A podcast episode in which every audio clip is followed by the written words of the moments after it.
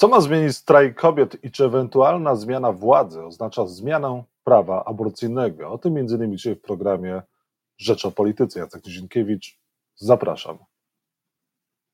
A Państwa moim gościem jest pani Marta Lempart, liderka ogólnopolskiego strajku kobiet. Dzień dobry. Dzień dobry. Dlaczego strajk kobiet znowu wychodzi na ulicę? E, dlatego, że mamy do czynienia z kolejną e, szpitalną śmiercią kobiety, której odmówiono legalnej aborcji, odmówiono jej aborcji z przesłanki zagrożenia zdrowia i życia, która dalej w Polsce obowiązuje. E, to jest kolejny taki przypadek. Po raz kolejny to się stało i po raz kolejny jest tak, że środowisko lekarskie nie bierze za to odpowiedzialności. Znaczy nie bierze odpowiedzialności za to, że tak, to PiS stworzył atmosferę nagonki, otworzył te drzwi dla lekarzy, ginekologów, położników, którzy za nic mają życie i zdrowie kobiet, ale to lekarze podejmują te decyzje o tym, żeby, żeby nie robić nic w momencie, kiedy kobiety, których życie, zdrowie zagrożone, umierają w szpitalach, więc to jest trochę inny proces niż wcześniej. Wcześniej, kiedy były te przypadki tragiczne śmierci, myślę, że wszyscy się trochę, trochę się łudziliśmy, a trochę wierzyliśmy w kłamstwa e, środowiska lekarskiego, że nic nie mogą zrobić, że oni by chcieli, że prawo im nie pozwala. To, co widzimy w tym momencie, to, że jest tak duża mobilizacja, bo przecież marsze wcześniej już były po tych tragediach wcześniejszych, e, to jest właśnie chyba związane z tym, że opinia publiczna już nie kupuje tego kłamstwa lekarzy o tym, że oni się boją, albo że oni, że prawo im nie pozwala ratować osób, że ta bańka pękła. I widzę to też w strajku kobiet, e, jeżeli chodzi o w ogóle nastawienie osób. Dlatego w tym dzisiaj, bo to jest głównie dzisiaj, będą protestowały osoby w miastach, które nie protestowały od 2020 roku, czyli które ostatni raz w 2020 roku się mobilizowały i one znowu wychodzą na ulicę.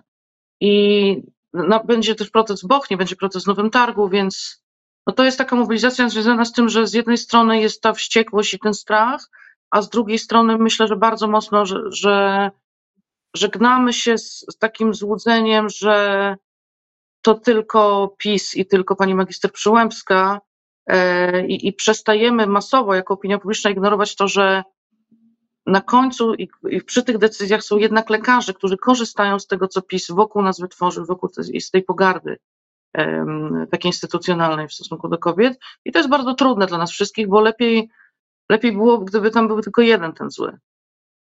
E, politycy Prawa i Sprawiedliwości mówią, że przecież e, nie jest tak, że prawo aborcyjne zostało w Polsce zaostrzone, a lekarze mają przede wszystkim e, ratować. I, I tutaj do żadnych zmian się nie poczuwają i nie chcą jakichkolwiek zmian wprowadzić. Skąd to działanie, czy też brak działania lekarzy? Bo pani Dorota nie jest jedyną osobą, która zmarła w związku z tym, że nie udzielono jej od, od razu odpowiedniej E, pomocy. Wcześniej e, były inne kobiety. Pani Izabela, tak, pani Agnieszka, Marta, Ania, to są te przypadki, o których wiemy, ale to, o czym trzeba pamiętać, że za każdym takim przypadkiem jest 500 osób, którym się cudem udało. Są to osoby, które się wykłóciły, które miały znajomych prawników, znajomych lekarzy, alarmowały media. Teraz były sytuacje, już po tej tragedii w Nowym Targu, gdzie dwie osoby zostały uratowane przez to, że była interwencja organizacji pozarządowych, czyli Federy i aborcyjnego Dream Teamu i interwencja mediów.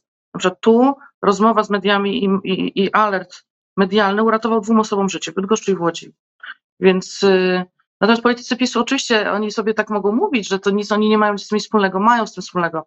E, PiS zlikwidował standardy, nie zlikwidował, zniósł y, obowiązkowy status standardów opieki okołoporodowej.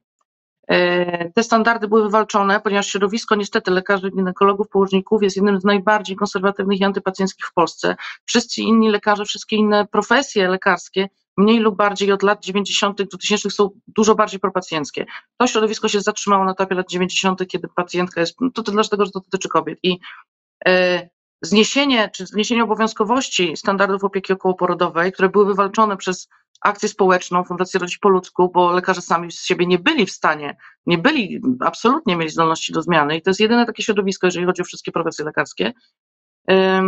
To był sygnał dla środowiska lekarskiego, że mogą robić co chcą.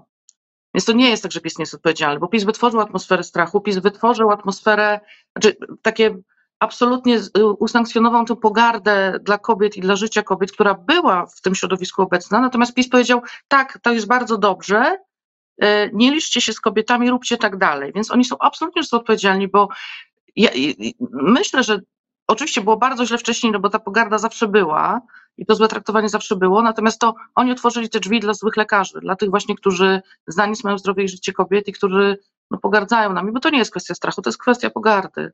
Między strachem, a po, strachem przed władzą, a pogardą dla kobiet nie ma nic, to, to są dwie zupełnie inne rzeczy. Kłamstwo o tym, że oni się boją, też umiera właśnie teraz.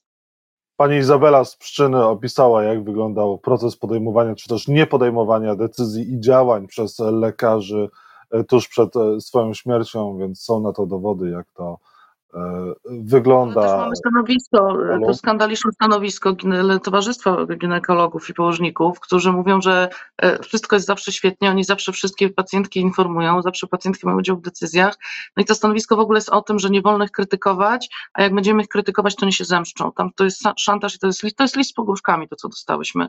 Wszystkie e, bo to jest list do, nie tylko do organizacji aktywistycznych, to jest list do wszystkich kobiet w Polsce, więc straszne to jest, co się dzieje, i straszne to jest, że rozmawiamy w ogóle o tym, że ludzie umierają i że można było tych śmierci uniknąć, i rozmawiamy o tych tysiącach przypadków, kiedy jest o włos. No ale tak to jest teraz. I ja rozumiem zarzuty o, odpowiedzialność zbiorową, bo to oczywiście się pojawia. Bym bardzo ostro, ja już teraz bardzo ostro występuję od 2020 roku, krzyczałam, byłam w tym raczej taka pojedyncza, dopóki wszyscy lekarze, wszystkie kobiety w Polsce są zagrożone, wszystkie kobiety w ciąży są zagrożone, dopóki mamy prawo bać się każdego lekarza, wszystkich lekarzy, bo my nie wiemy, którzy to są ci dobrzy. Dopóki wszystkie kobiety są zagrożone, wszyscy lekarze muszą brać za to odpowiedzialność. Niestety, mi nie obchodzi, kto się za to, za, za to się obrazi. To już, to już nie jest o tym w ogóle, to już, to już to jest kwestia ratowania życia ludzi. Jaki jest cel strajku kobiet? Czego wy e, oczekujecie, wychodząc dzisiaj na ulicę? Y, ja tak długofalowo, y, w ogóle no okropnie o tym mówić, dlatego że y, my prowadzimy kampanię na rzecz legalnej aborcji i teraz jedną z największych pokus dla osób prowadzących zawodowo taką kampanię jest to, żeby te emocje społeczne kanalizować dla tej naszej politycznej agendy. I ja jestem w tej, w tej roli osoby, która to stopuje, czyli osoby, która mówi, mówimy o, ty, o konkretnych osobach, o konkretnych rodzinach, nie może być tak, że my to przekładamy na jakieś, na jakieś wymienniki polityczne. Nie może być tak, że to jest częścią naszej kampanii. E, a ta pokusa jest wielka, żeby iść na skróty, żeby się zachować niegodnie. Więc ja się tym na przykład zajmuję, żeby, żeby to tak nie było, że te protesty są dla realizacji jakiejś politycznej agendy, bo one są o kimś, one są o tym, że osobom się staje, dzieje krzywda. I to, co dla mnie jest celem, żeby właśnie nie zachować się niegodnie w tej naszej walce, mimo tego, że jest pokusa zawsze, kiedy się, zwłaszcza jak się tak długo walczy, jest to, żeby, żeby to, to, co się stało w 2020 roku z numerem do aborcji bez granic, 2229, 2257, że on się stał przez te 100 dni trzecim najbardziej rozpoznawalnym numerem w Polsce. Teraz wszyscy wiedzą, jak to zrobić, żeby e, przerwać w ciąży w Polsce poza systemem. E, I teraz liczę na to, że te protesty spowodują, że każda osoba w ciąży idąc do szpitala będzie ze sobą miała numer do Federy, będzie miała ze sobą numer do aborcji bez granic, będzie gotowa alarmować media, będzie gotowa się kłócić do upadłego, jej rodzina będzie się gotowa kłócić e, do upadłego, że nie będzie wierzyć i ufać nikomu, to bym chciała, żeby było efektem tych protestów, tak? Czyli jeżeli w 60 paru miastach wychodzimy, żeby każda osoba, która będzie na tym proteście, która o nim usłyszy, wiedziała, że to jest naprawdę i że to musi się dziać, żeby to była, tak jak jest powszechna wiedza o dostępności aborcji, w sensie jak, dost, jak mieć dostęp do aborcji w Polsce poza systemem, żeby była teraz już absolutnie powszechna wiedza, nie tylko wśród nas i nie tylko w tych krytycznych przypadkach, ale żeby była ta wiedza towarzyszyła każdej kobiecie w ciąży i każdej rodzinie kobiety w ciąży w Polsce do momentu, kiedy to prawo się zmieni, żebyśmy mogły ratować życie i żeby organizacje pozarządowe i żeby media, bo to jest wielka rola mediów, to naprawdę. Media powodują, że zupełnie inne mechanizmy się uruchamiają i nikt nigdy się nie przyzna do błędu, ale rzeczy są robione tak, jak powinny być. To bym chciała, żeby się stało. To jest jakby na te protesty, to jest teraz mój cel, żeby to się zadziało, żebyśmy miały efekt, który będzie po tym, jak wrócimy do domu, że, że być może nikt już więcej nie umrze, nie przez to, że lekarze się naprawią, ale przez to, że my społecznie zrobimy wszystko, żeby osobom nie działa się krzywda, czyli żeby, tych żeby było więcej sytuacji o włos, ale mniej tych sytuacji, znaczy żeby te sytuacje, które kończyłyby się śmiercią w innych warunkach, kończyły się tylko sytuacją o włos, że ktoś jest uratowany przez, przez prawników, przez ekspertki z ADT, przez media. To jest ta rzecz dla mnie teraz. Oczywiście, że celem jest legalna aborcja, ale o tym możemy, o to, to się będzie działo po wyborach. I to jest ta zmiana, która już zaszła. 70% ludzi jest za legalną aborcją, 90% ponad wyborców e, opozycji jest za legalną aborcją, więc to jest oczywiste, czego ludzie chcą. Czy ma Pani pewność, że zmiana władzy równa się zmiana prawa aborcyjnego? Nie, dlatego że e, po stronie opozycyjnej nie wszystkie partie służą swojemu elektoratowi, czyli jest koalicja obywatelska, która idzie za badaniami, 97% ich elektoratu chce legalnej aborcji, więc Donald Tusk mówi, po wyborach zalegalizujemy w ciągu 6 miesięcy aborcję do 12 tygodnia, na listach nie będzie nikogo, kto nie jest za legalną aborcją, czyli Donald Tusk wypowiada posłuszeństwo Kościołowi już w 2021 roku i mówi, no nie, teraz już, teraz już jesteśmy przeciwko zakazowi, jesteśmy za legalizacją. No, lewica jest oczywista, tak, to jest postulat lewicy, legalna aborcja, natomiast w przypadku na przykład Polski 2050, gdzie 84 procent ich elektoratu jest za legalizacją aborcji, Szymon Hołownia jest zwolennikiem zakazu i zrobi wszystko, żeby ten zakaz się utrzymał, zrobi wszystko, żeby nie było legalnej aborcji, zrobi wszystko, żeby ten stan trwał jak najdłużej, kompletnie w nosie ma życzenie własnego elektoratu i to dotyczy też PSL-u. Tam jest 72% elektoratu PSL jest za legalną aborcją, natomiast pan Kośmiak-Kamysz jest no, za zakazem i będzie no, prowadzić, prowadzą panowie całą kampanię na rzecz zakazu, opowiadając jakieś bzdury, jakimś referendum, ale to jest kampania na rzecz utrzymania w Polsce jak najdłużej zakazu. Nie wiem, jak oni patrzą w lustro, skoro wiedzą, że utrzymanie zakazu oznacza kolejne tragedie szpitalne, oznacza ten gigantyczny wysiłek, czyli tę codzienną walkę o to, żeby nikt nie umierał. Nie wiem, jak oni patrzą w lustro, opowiadając te brednie o tym, że trzeba się jeszcze zastanowić. Nie ma się co zastanawiać. No co pani myśli, że to nie jest... demokratami, no to jest bardzo trudne, bo mówimy o opozycji demokratycznej, panowie się mienią demokratami, ale ich demokracja się kończy w, w momencie ich religijnej, kiedy wchodzi ich religia. Wtedy ich lektorat i ich, ich zdanie, ich elektoratu własnego nie ma żadnego znaczenia, więc to jest też pytanie do elektoratu, czy chcecie mieć takich liderów? No ale właśnie bez e, PSL-u może i Polski 2050 nie będzie przyszłego rządu, jeżeli Platforma by wygrała te wybory I, albo i tak miałaby jak, rząd. I tak jak myślę, że PSL jest, mimo tego, że to poparcie legalnej aborcji w przypadku elektoratu PSL jest niższe, myślę, że PSL jest w stanie się zachować rozsądnie, bo wielokrotnie to widzieliśmy na scenie politycznej, ta partia istnieje, nie, nie, nie istnieje od wczoraj.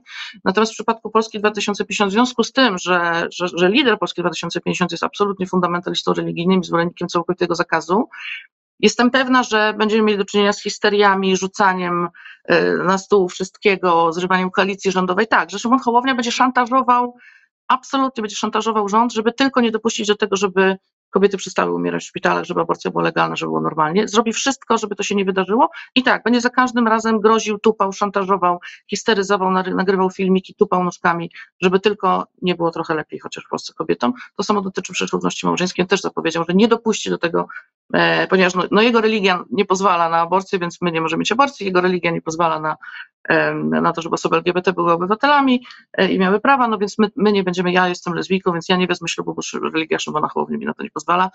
Tak, to jest bardzo realne zagrożenie. Taka sytuacja była w Norwegii, żeby było ciekawie, parę lat temu, to jest taki przykład z Europy Zachodniej, że parę lat temu w Norwegii kobiety musiały wyjść na ulicę w Norwegii, dlatego że tam też właśnie była koalicja rządowa, w której była malutka taka chrześcijańska partia, która rzuciła wszystko na stół, e, żądając zaostrzenia przepisów aborcyjnych. No bo to jest to jest obsesja. Po stronie fundamentalistów katolickich, chrześcijańskich to jest zawsze obsesja, żeby tym kobietom jak najbardziej dowalić. No i tutaj będziemy, bardzo prawdopodobnie w Polsce będzie podobnie.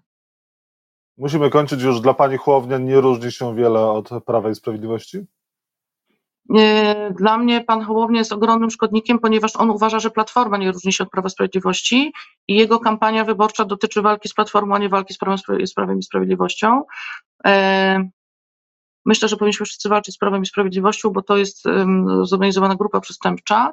E, skupianie się na kimkolwiek innym i kreowanie sobie przeciwników po stronie opozycyjnej jest zachowaniem niegodnym, niepatriotycznym. Pan Hołownia nie jest patriotą w tym momencie, skoro jego celem jest podebranie miejsc w Sejmie nie PiSowi, tylko Platformie Obywatelskiej. To jest niegodne zachowanie. I na koniec e, Donald Tusk weźmie udział w marszu w strajku kobiet i czy pani weźmie udział w wyborach jako kandydatka, będzie pani kandydować? Jako kandydatka nie. E, nie wiem, czy Donald Tusk weźmie udział. Na pewno e, cała masa e, różnych działaczek, działaczy lokalnych jest z nami w kontakcie. Platformy też organizują, współorganizują. To nie jest takie proste. Lokalnie my współpracujemy z różnymi partiami naprawdę, więc na pewno będą osoby z Platformy Obywatelskiej, działaczki, działacze, posłanki też i posłowie czy radne. Ja nie będę startować w wyborach, to było doświadczenie z gatunków granicznych, już wiem, że nie, ale będziemy, naszym celem na wybory jest znaczy naszym miernikiem sukcesu na wybory będzie to, ile osób młodych, które były na protestach w 2020 roku, pójdzie teraz zagłosować i to, co robimy, to jest akcja szykowania odpowiedzi na, na, na, to, na to okropne zdanie, nie mam na kogo głosować. Tak, nie masz, nie masz partii, na którą możesz głosować. Absolutnie to zgadzamy się. Być może, nie masz partii, na którą mógłbyś głosować, czy mogłabyś głosować. ale powiedz skąd jesteś, to my ci powiemy, kto w tym okręgu jest przyzwoity. Chcesz głosować na koalicję obywatelską, to jest to nazwisko. Chcesz głosować na lewicę, to jest to nazwisko. Postaramy się we wszystkich okręgach wyborczych mieć tę odpowiedź, ok, nie możesz głosować, mówisz, że nie masz partii, na którą możesz głosować, ale to jest osoba, którą my znamy, z którą gdzieś tam współpracowaliśmy, wiemy, że jest przyzwoita, wiemy, że ciężko pracuje, więc masz na kogo głosować, masz przynajmniej to jedno nazwisko, możemy ci je dać. Możesz nam zaufać też.